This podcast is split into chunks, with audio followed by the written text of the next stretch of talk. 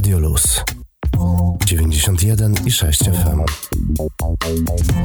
Dzień dobry, drogie słuchaczki i drodzy słuchacze, tu Michał Sałkowski. Przynoszę dla Was paczkę tematów od reporterów Radia Luz. Dziś w programie o tym, że jak Polska długa i szeroka, to studenci pomagają szpitalom. Agnieszka Barbach opowie o konkretach przyłbicach, kamerze termowizyjnej, a nawet krok dalej, pandemicznym dronie. W dobie koronawirusa jesteśmy zasypywani sensacjami wszelkiej maści. Skąd czerpiemy informacje o pandemii? Czy są sprawdzone? To badają w gronie wrocławian naukowcy z Politechniki Wrocławskiej. Więcej na ten temat powie Julia Włodarska. Literatury nie zabraknie. Dosięgnięcia po prozę feministyczną z PRL-em przenikającym z drugiego planu zaprosi Was Ida Górska. Będzie recenzja twórczości Joanny Bator.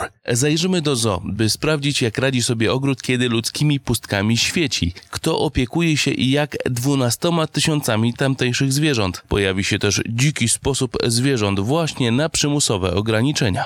No i Radio Luz zabrzmi, jak żyła i bawiła się gwiazda muzyki setki lat temu, Ludwik van Beethoven. Gdyby żył, miałby w tym roku 250 wiosen. W jego życiorysie właśnie razem z naukowcami poszperała Klara Zimna. Warto posłuchać. Ruszamy.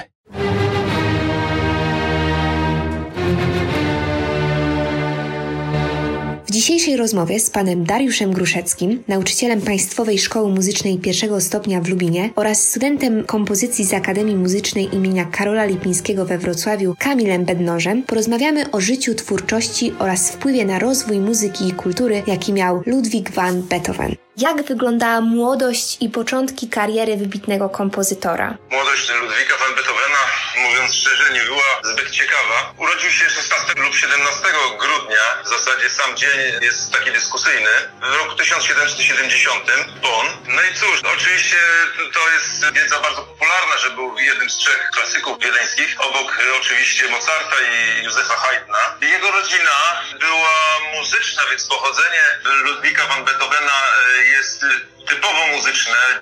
Beethoven od samego początku wyjawiał umiejętności muzyczne. To było oczywiste, że jest utalentowany i od dzieciństwa tata uczył go muzyki. Jego tata był tenorem na dworze Klemensa Augusta, który był arcybiskupem. Przede wszystkim uczył go tata. Oprócz tego miał kilku innych nauczycieli w takim bardzo młodym wieku, ale pierwszym znaczącym nauczycielem był Christian Gottlob Neffe i on od 1780 roku, czyli od 10 roku życia, nauczał Beethovena kompozycji. Był organistą i też od młodego wieku zaangażował Beethovena e, jako swojego pomocnika w, e, kościele. Na początku nie odpłatnie, ale już od 14 roku życia odpłatnie. Z ojcem Beethovena były problemy już od samego początku, bo nadużywał alkoholu. Był taki dosyć agresywny w stosunku do żony, jak mówi historia. Również był agresywny w stosunku do dzieci. Beethoven później w ogóle o ojcu nic nie wspominał. Chyba miał tam jakieś urazy i jakieś w stosunku do ojca żale. Natomiast matkę darzył bardzo wielką miłością. Jej portret stał zawsze na jego biurku. W wieku 17 lat wyjechał do Wiednia. Wtedy to była oczywiście stolica muzyki i muzyków. Później spotkał się z Mozartem. Nawet jest taka anegdota, że Mozart zobaczył w Beethovenie chłopca, który zadziwi niebawem cały świat. No ale cóż, później choroba matki zmusiła Beethovena do powrotu, więc z tego Wiednia musiał wrócić z powrotem. Udało mu się ujrzeć swoją matkę jeszcze żywą i spotkać się z nią. No i później matka zmarła. Więc dzieciństwo Beethovena nie było usłane różami. Później ojciec Beethovena, Johann, całkowicie już bez reszty oddał się nałogowi, nie był w stanie nawet zarabiać na utrzymanie synów. I wtedy dopadły właśnie Beethovena te problemy typowo rodzinne, bo bardzo kochał swoich braci i tak naprawdę został wtedy głową rodziny, bo ojciec był alkoholikiem. Wyjechał w roku 1792 do Wiednia już na stałe. Wtedy już miał 22 lata. Tu się zaczął taki intensywny już muzyczny rozwój. Pobierał nauki kompozycji u Józefa Haydna, u Schenka, u Albert Steinbergera. Z tym, że ponieważ był bardzo utalentowany, nie był zbyt zadowolony z tej nauki, a później już, kiedy wykształcił się i kiedy już zdobył tą wiedzę, no to zyskiwał oczywiście sympatię grona najbogatszych mecenasów i wielbicieli jego talentu. Beethoven powiedział, że na razie nie rozumiecie moich dzieł, ale za 50 lat zrozumiecie. Czy on był takim przejściem do innej epoki w muzyce? Tak, generalnie dzieli się jego twórczość na trzy okresy i takie dzieła już mniej zrozumiałe dla ówczesnej publiczności rozpoczęły się w być dopiero w późnym okresie, który e, tak mniej więcej można wyznaczyć od roku 1815. Natomiast kiedy rozpoczynał swoją karierę, to pisał w stylu dość bliższym swojej epoce, w stylu bliższym stylowi Mozarta, e, między innymi dlatego, że miał taką aprobatę publiczności, która widziała w niego kontynuatora. Natomiast później Beethoven zaczął eksperymentować z różnymi innowacjami i o dziewiątej symfonii można mówić, że już te utwory są dużo trudniejsze w odbiorze. Mówi się o Beethovenie, że jest na pograniczu dwóch epok, klasycznej i romantycznej. I rzeczywiście, jak się słucha tych późniejszych dzieł przede wszystkim, to słychać, że e, ten styl już się robi bardziej romantyczny, to znaczy pogłębiona uczuciowość, formy traktowane bardziej swobodnie, tak samo jak harmonia, a już najbardziej to słychać w najpóźniejszych utworach, jak kwartety smyczkowe czy sonaty fortepianowe. Niektóre z sonat fortepianowych w ogóle były uważane za niewykonalne przez pół wieku i na tym polega to, że wychodził przed swoją epokę, tak bym powiedział. W którym momencie życia stworzył najwybitniejsze dzieła? To był bardzo ciężki okres, jeżeli chodzi o tego kompozytora. W latach 1796 do 98 wystąpiły u niego pierwsze objawy głuchoty, więc ta wielka tragedia, z którą zmagał się kompozytor Beethoven, ta choroba wyciskała takie wielkie piętno na nim, że była nawet taka sytuacja, że doprowadziła go do samobójstwa prawie. Napisał wtedy również słynny testament Heiligenstadzki. To było w 1802 roku. Pisał wtedy do swoich braci, że chce dalej żyć dla sztuki. Zmagał się oczywiście cały czas z tą głuchotą, ale niestety w którymś momencie musiał się poddać, jeśli chodzi o walkę ze zdrowiem i z głuchotą, bo musiał całkowicie zaprzestać publicznych występów. Wtedy przekierunkował się typowo na pracę kompozytorską i wtedy właśnie e, powstawały jego największe dzieła, z tym, że no, to nie było takie piękne, bo e, okazało się, że pojawiły się również problemy materialne. Wprawdzie nie zarabiał Ludwig van Beethoven mało, ale te jego zarobki były bardzo nieregularne, jak to w branży muzycznej. W tym okresie zaczął się Ludwig van Beethoven porozumiewać z otoczeniem wyłącznie za pomocą tak zwanych zeszytów konwersacyjnych. E, wtedy też powstały unikatowe historyczne zapisy, powstały dyskusje na tematy muzyczne i inne. I dzięki temu można poznać, co kompozytor wtedy myślał, jak odczuwał tą muzykę, jak postrzegał swój związek z tą sztuką. Z tych zeszytów 400 zachowało się niestety tylko 264. Wtedy właśnie powstawały jego największe dzieła w czasach, bym powiedział, tej właśnie głuchoty i tych, tego zmagania się z tymi problemami zdrowotnymi. Wtedy powstawały drobne utwory, miniatury fortepianowe, pieśni, oczywiście dziewięć symfonii, czy koncerty fortepianowe, opera Fidelio, oczywiście msza Missa Solemnis, msza Cetur, oratorium Chrystus na Górze Szereg utworów fortepianowych, 32 sonaty, e, znana sonata, chociażby jest sonata księżycowa Cismol, sonata patetyczna, apasjonata F-moll, czterech sonat na skrzypce, na fortepian, na wiolonczele i fortepian, kwartety smyczkowe, jest tego bardzo dużo, tria fortepianowe, najpopularniejsze to G i i oczywiście utwory na różne obsady kameralne, kwintety, sekstety, septet, oktet. Czy słyszał Pan o dziesiątej symfonii, która nie została dokończona z powodu y, śmierci Beethovena? Podobno ma ona zostać dokończona w tym roku. Słyszałem o tym, że symfonia ma być dokończona, dziesiąta.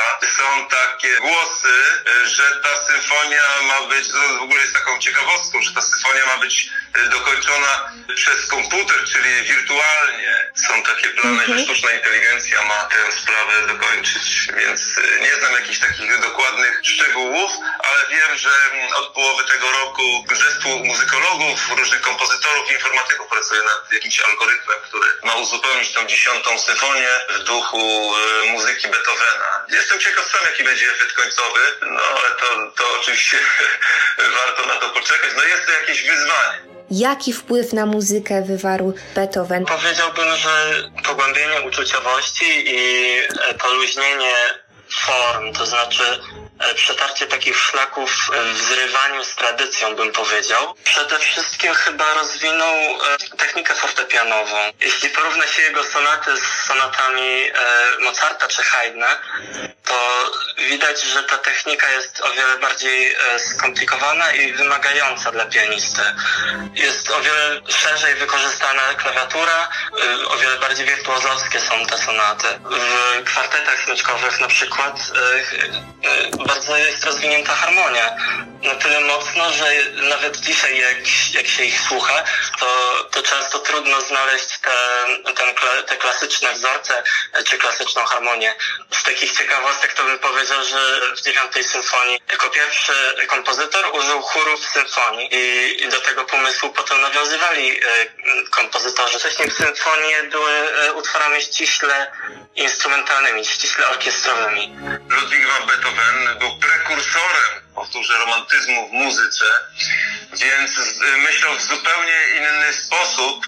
Jego muzyka zrobiła wielki, potężny krok i odcisnęła się piętnem nie tylko na epoce romantyzmu, ale również na następnych epokach muzycznych. Jeżeli chodzi już o czasy dzisiejsze, czasy współczesne, no to jest y, oczywiście szereg różnych wykonań, utworów czy tematów beethovenowskich. Już nie mówię o takich bardzo prymitywnych sygnałach gdzieś tam w jakichś komórkach, czy telefonach, czy w reklamach, ale również przede wszystkim o zespołach, które się, które się inspirują muzyką Beethovena i jego tematami muzycznymi, łącznie z muzyką zupełnie rozrywkową czy jazzową. Te tematy są przetwarzane, są tworzone różne transkrypcje, są tworzone różne aranżacje do tematów beethovenowskich.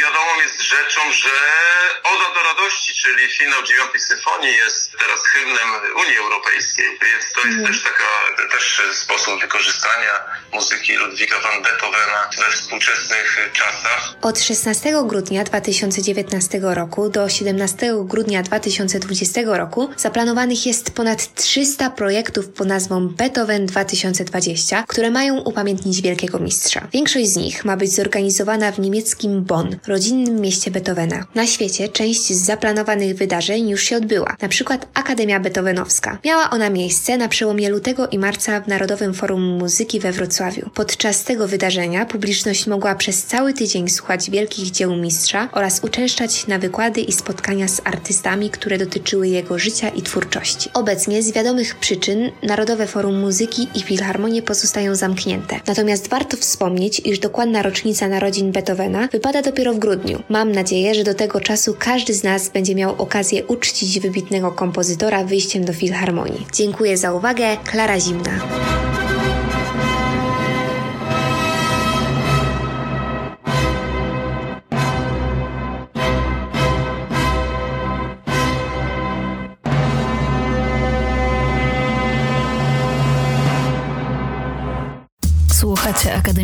Radia Luz na 91 i 6 FM. Cześć, z tej strony Julia Wodarska. Drogi słuchaczu, czy zastanawiałeś się, jak rozległa jest Twoja wiedza o koronawirusie? Media codziennie dostarczają nam multum newsów, jak i również fake newsów o COVID-19. Jest okazja, aby w końcu obalić mity i poznać rzeczywisty stan naszej wiedzy. Naukowcy z Politechniki Wrocławskiej rozpoczęli międzynarodowe badanie opinii publicznej na temat koronawirusa. Ankieta przygotowana przez naukowców dotyczy naszej wiedzy, a także opinii o faktach i mitach związanych z COVID-19. Pytania mają również spadać źródła informacji o wirusie, a co najważniejsze ich wiarygodność. Inicjatorzy badań z Politechniki Wrocławskiej, doktor habilitowana inżynier Anna Kowalska-Pyzalska oraz doktorant Jasz Szawla zachęcają do wypełniania ankiet online, a te znajdziecie na stronie jaszwla.in. W badaniach mogą wziąć udział wszyscy powyżej 18 roku życia. Włącz się na 91 i 6 FM.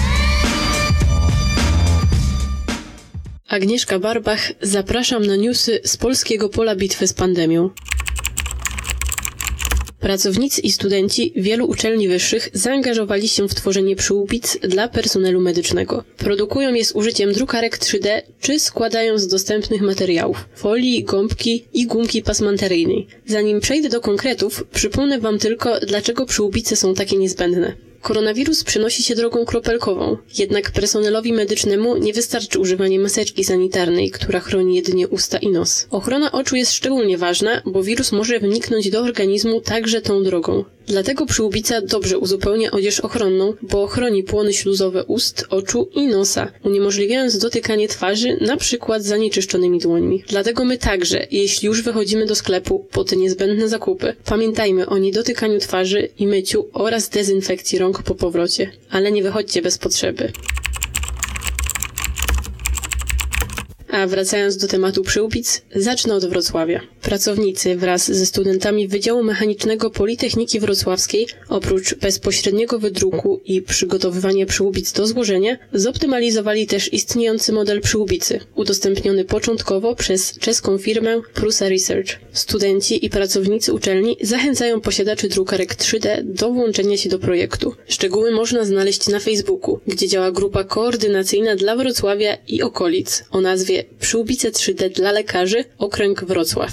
A jeśli chcecie wesprzeć akcję, powstała także zbiórka non-profit, założona przez studenta Wydziału Mechanicznego na portalu zrzutka.pl o nazwie Przyłbice 3D dla lekarzy materiały do produkcji. Nie tylko siła umysłu, ale także siła mięśni są niezbędne w walce z koronawirusem. Dzięki zaangażowaniu i sprawnej organizacji pracy studentów Akademii Wychowania Fizycznego we Wrocławiu w hotelu Wieniawa w kilka godzin powstało izolatorium. Studenci, odpowiednio zabezpieczeni w rękawiczki lateksowe oraz maseczki ochronne, przystosowywali pokoje dla medyków oraz pacjentów.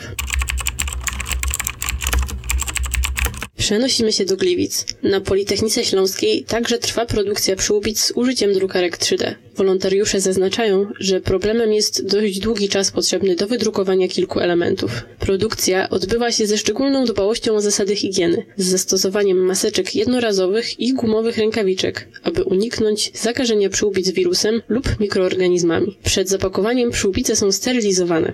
W Krakowie studenci Wydziału Lekarskiego Uniwersytetu Jagiellońskiego zachęcają do włączenia się w domową produkcję przyłbic z darmowych materiałów. Zainteresowani udziałem w projekcie otrzymają potrzebne materiały pod drzwi mieszkań. Można też pomóc w transporcie. Natomiast studenci Akademii Górniczo-Hutniczej w Krakowie zrzeszyli się w akcji Przyłbica dla medyka AGH i do udziału zapraszają każdego, kto chce pomóc. Studenci wraz ze swoim opiekunem intensywnie pracują w budynku uczelni i na 30 drukarkach 3D drukują przyłbice ochronne dla szpitali zakaźnych. Szczecińskie uczelnie także włączyły się do akcji. Części do przyłbic z nadającego się do dezynfekcji tworzywa PET, z którego normalnie produkowane są butelki, drukuje Zachodniopomorski Uniwersytet Technologiczny. W akcję pomocy ośrodkom medycznym włączyli się także laboranci i studenci Centrum Przemysłów Kreatywnych Akademii Sztuk. W laboratoriach na co dzień służących studentom uczelni artystycznej powstają przyłbice dla Szczecińskiego Szpitala Wojewódzkiego przekształconego w szpital zakaźny. Akademickie Radio Luz. Włącz się naukowo. 91 i 6 FM. Parlament Studentów Politechniki Koszalińskiej przekazał uczelni ze swojego budżetu 10 tysięcy złotych na zakup filamentu do drukarek 3D na produkcję przyłbic ochronnych. Także studenci kierunku lekarskiego Gdańskiego Uniwersytetu Medycznego pomagają. Wykorzystują drukarki 3D oraz umiejętności praktyczne wyniesione z fakultetu na temat zastosowania w medycynie technologii drukowania 3D. W Łodzi Biblioteka Politechniki udostępniła drukarkę 3D, a przyłbice ochronne składane są z wykorzystaniem gotowych projektów i ogólnodostępnych produktów, np. folii do bindownic czy gumek pasmanteryjnych. Pracownicy i studenci Politechniki Świętokrzyskiej uruchomili około 20 drukarek, które mogą wyprodukować ponad 70 przyłbic na dobę. Sprzęt ochronny będzie produkowany w nowoczesnych laboratoriach Politechniki Świętokrzyskiej, ale też w domach na prywatnym sprzęcie. Politechnika Białostocka przy wsparciu materiałowym i finansowym od lokalnych firm produkuje przyłbice medyczne, ale nie przy użyciu drukarek 3D, a przez montaż z użyciem prefabrykowanych elementów z tworzyw sztucznych i laserowe wycinanie. W ten sposób czas wykonania przyłbicy to niecałe 10 minut. Środowisko akademickie pomaga naprawdę na różne sposoby i dla odmiany Politechnika Opolska postanowiła pomóc lekarzom w inny sposób. Wypożyczyła Uniwersyteckiemu Szpitalowi Klinicznemu w Opolu kamerę termowizyjną wraz ze specjalnym oprogramowaniem. Przy jej pomocy można sprawdzać temperaturę osób w specjalnej śluzie ustawionej przed wejściem do szpitala. Taka kamera umożliwia w czasie rzeczywistym obserwację rozkładu temperatur w obszarze kilku metrów kwadratowych, a wszystkie przebywające w śluzie osoby są widoczne na ekranie komputera w postaci obrazu sylwetek. Taki obraz odzwierciedla rozkład temperatur za pomocą gamy kolorów. Temperatura ciała, która przewyższa zadany poziom, jest obrazowana za pomocą koloru czerwonego i wskazywana w postaci odpowiedniego alertu. Pracownicy Politechniki przeprowadzili także krótki kurs obsługi systemu termowizyjnego dla informatyków ze szpitala.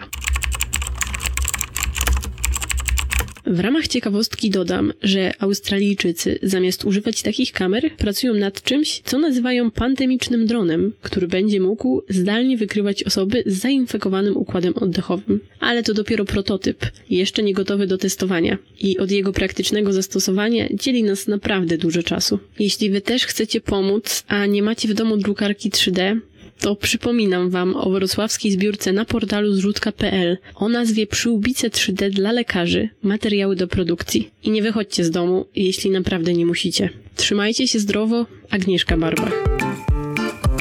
91 i 6. Włącz się kulturalnie. Mój dziadek powtarzał, że z każdej sytuacji można wyciągnąć jakieś pozytywy. I również z tej, w której każą nam siedzieć w domu, może wynikać coś dobrego. Moje na przykład książkowe regały wprost uginały się pod tymi pozycjami, na które do tej pory nie miałam w ogóle czasu albo nie miałam ochoty sięgnąć. A dzisiaj z tej racji, że i tak tutaj siedzę, to trochę tę książkową półkę staram się odświeżać. I dziś przychodzę do Was z recenzją właśnie z książką z tej półki, z Piaskową Górą autorstwa Joanny Bator, która zapewne jest Wam znana, bo to dość poczytna autorka. Głównie ze sprawą licznie nagrodzonej książki Ciemno prawie noc, która doczekała się zresztą w zeszłym roku adaptacji filmowej. Fatalnej, ale o niej może opowiemy sobie innym razem. Ciemno prawie noc wchodzi w skład trylogii wałbrzyskiej, którą otwiera książka Piaskowa Góra. Właśnie, właśnie nią będziemy się dzisiaj zajmować. Już na samym początku Wam zdradzę, że z tych trzech jest zdecydowanie tą, po którą naprawdę warto sięgnąć. To zgrabnie sformułowana powieść feministyczna, która wyróżnia się na tle innych tą rzetelną i skrupulatną formą pisarstwa paradokumentalnego, dzięki któremu możemy przyjrzeć się bliżej, bardziej na trzeźwo temu naszemu polskiemu piekiełku. Piaskowa Góra jest kobiecą powieścią o kobietach. Tak można byłoby ją dobrze określić. Bohaterkami są stereotypowe żeńskie figury żyjące, właściwie skrywające się w cieniu patriarchalnej codzienności. Główną bohaterką jest tutaj Jadzia Chmura, czyli żona górnika, która po tragicznej śmierci męża Stefana samotnie wychowuje córkę Dominikę, w czym oczywiście pomagają jej babcie, Halina i Zofia. Bator zresztą zestawia ze sobą te trzy pokolenia kobiet, ukazując ich tęsknoty, namiętności. Każdorazowo również o osobną mentalność. Książka próbuje zrozumieć życie na osiedlu z wielkiej płyty w czasach PRL-u, bo Piaskowa Góra jest w istocie właśnie tym wałbrzyskim osiedlem wybudowanym w latach 70. Na pewno niektórzy z Was je kojarzą, to bardzo charakterystyczna zabudowa. Z zaskakującą też przenikliwością opisuje Bator kulturę ówczesnych lat, jak i tych przedwojennych jeszcze. Zresztą obraz życia na Piaskowej Górze tworzony jest właśnie dzięki historiom ludzi i przedmiotów, co jest istotne. Snuta opowieść rozwija się nie niespiesznie, jakby od niechcenia. A w narracji nawet pojedyncze historie zderzają się ze sobą, tworząc szkatułkową, pozbawioną chronologii wydarzeń opowieść o rodzinnej mitologii. Język e, jest tutaj bardzo ważnym aspektem, odgrywa niewątpliwie cenną rolę, zresztą też nadaje wartość książce, jest rytmiczny, płynny. Niekiedy zdarza się, że toporny, a za chwilę znowu wartki. Zdaje się zresztą też prawdziwie oddawać to właśnie klimat tej perelowskiej rzeczywistości i przywar płynących z Polski polskiej mentalności. Życie na Piaskowej Górze mija przed telewizorem, przy akompaniamencie niewolnicy Izaury w otoczeniu meblościanek, kryształów albo na przykład bardzo cennej wówczas fototapety z NRD. Życie na Piaskowej Górze okraszone jest również tymi truistycznymi wizjami wpajanymi do głów pokoleń od dzieciństwa. Szczytem marzeń Jadwigi wydaje się być wydanie córki za bogatego Niemca. Joanna Bator sprawnie i wiarygodnie opisuje dzieje córek, żon, matek, które próbują wyrwać się lub posłusznie stać w cieniu mężczyzny, wykonując te prace, do których są rzekomo predestynowane odgórnie. Pisarka mimo wszystko możliwie subiektywnie rozprawia się z tym piekłem kobiet, którego doświadczają bohaterki. W istocie mikroświat osadzony w wałbrzyskim osiedlu no i jest odbiciem realnego życia w Polsce. Piaskowa Góra bez wątpienia jest tą książką, po którą warto zajrzeć. Poza wiarygodnymi opisami i błyskotliwą ironią spotkamy się tutaj też oczywiście z szaloną i ciekawą, e, oryginalną prozą feministyczną, która nie boi się poruszać tych nawet najtrudniejszych tematów. Nie zabraknie tutaj borykania się z egzystencjalną pustką, ze zjawiskiem depresji poborodowej, która była absolutnym abstraktem w czasach e, perelowskich, albo chociażby historii aborcji dokonywanych przez Polki 50 lat temu, czy burzliwych romansów z Żydami, z księżami. Pomimo tak wartkiej akcji, nadgromadzenia wątków, tę książkę czyta się naprawdę jednym tchem. Poza tym e, pozostawia po sobie również uczucie niedosytu. Szczęśliwie je akurat łatwo zaspokoić, a ja na swojej półce mam już drugą część trylogii Wałbrzyskiej, czyli Chmurdalia, mam też i Ciemno prawie noc, więc myślę, że możecie liczyć na recenzję w ciągu najbliższych kilku dni. Dzięki za wysłuchanie tej recenzji. Mam nadzieję, że może kogoś zachęciłam do tego, żeby zetknąć się z prozą feministyczną albo z prozą Janny Bator właśnie. Trzymajcie się na tych kwarantannach. Do usłyszenia. Ida Górska. Akademickie Radio LUS. Witajcie, tu Michał Sałkowski. Teraz udamy się w świat, który gromadził dzikie tłumy, ale w dobie koronawirusa musiał zwolnić obroty. Zaglądamy do wrocławskiego zoo. Ogród jest wprawdzie zamknięty dla widzów, ale około 90 opiekunów w mniejszej obsadzie przez cały tydzień dba o niemal 12 tysięcy zwierząt, które tam mieszkają. O tym, jak obecnie funkcjonuje zoo, mówi prezes Radosław Ratajszczak. W zakresie opieki nad zwierzętami funkcjonuje normalnie, tak jak w każdym innym czasie, no bo to nie może się zmienić. Zwierzętom nie da się wytłumaczyć, że jest y, epidemia i muszą podjąć jakieś działania. Po prostu to jest tak jak w każdy inny dzień. Musimy przychodzić do pracy, przychodzić Staramy się tę załogę jak najbardziej chronić przed niekorzystnymi zdarzeniami, a więc rozbiliśmy brygadę na mniejsze i część ludzi, którzy nie muszą być w zoo, pracuje z domu, to dotyczy głównie personelu administracyjnego, no ale wszyscy pozostani no, muszą być. No, ubiory ochronne, rękawice, rękawiczki, różne pory używania stołówki, dezynfekcja. Teraz wprowadzamy pomiary temperatury na wejściu, ograniczyliśmy znacznie dostęp osób postronnych właściwie do zera, także takie działania podjęliśmy już. Pewne jest, że brak wizów oznacza dla ZO straty idące co najmniej w setki tysięcy złotych. Czy ogród ma zapewnione środki na działanie? Także te na jedzenie dla zwierząt. W tej sytuacji ekstremalnego zaciskania pasa, czy potrzebuje pomocy? Mamy zabezpieczenie na razie tak do końca czerwca. Możemy tak sobie funkcjonować jeszcze. Dalej no, mamy właściciela, więc y, myślę, że no, nie powstrzyma się od pomocy, tym bardziej, że jesteśmy jedynym polskim ogrodem, który utrzymuje się sam. Wszystkie pozostałe, te większe ogrody są gotowane, my nie. Rzeczywiście sporo żywności sprowadzamy, ale na razie nie mamy problemu z dostawami, mamy zapasy porobione. To są też towary zastępcze, czasami można z tego korzystać, nie za długo, ale to mamy pod pełną kontrolą i tu naprawdę nic złego się nie dzieje. Zwierzęta są zaopiekowane, żyją dobrze. Co ciekawe, same zwierzęta też zdają się odnotowywać ewidentny brak widzów na co dzień, o czym mówi prezes wrocławskiego zoo. Z pewnością niektóre tęsknią, bo ja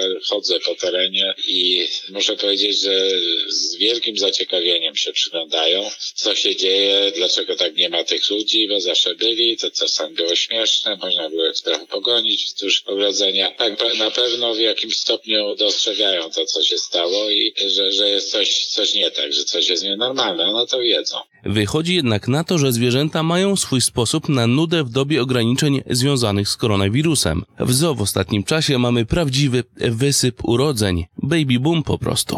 No i zaczęło się i to mocno. I urodził nam się taki złoty, to taki bardzo rzadki gatunek kopytnego z Himalajów. No, urodził się jeżozwierzę, Oczywiście w terrarium cały szereg przychówków bardzo ciekawych. Także rok się zapowiada pod tym względem świetnie. Bardzo się cieszymy z tego, no bo życie, życie zwycięży w końcu. A jeżeli brakuje Wam widoku zwierząt, to Ogród zaprasza Was do domowego zoo. To cykl filmów edukacyjnych realizowanych razem z opiekunami zwierząt emitowanych na facebookowym profilu. Mieliśmy już okazję spotkać się z pawianem masajskim, kotikami czy nosorożcem. Kawał ciekawej i dobrej roboty. Akademickie Radio Luz.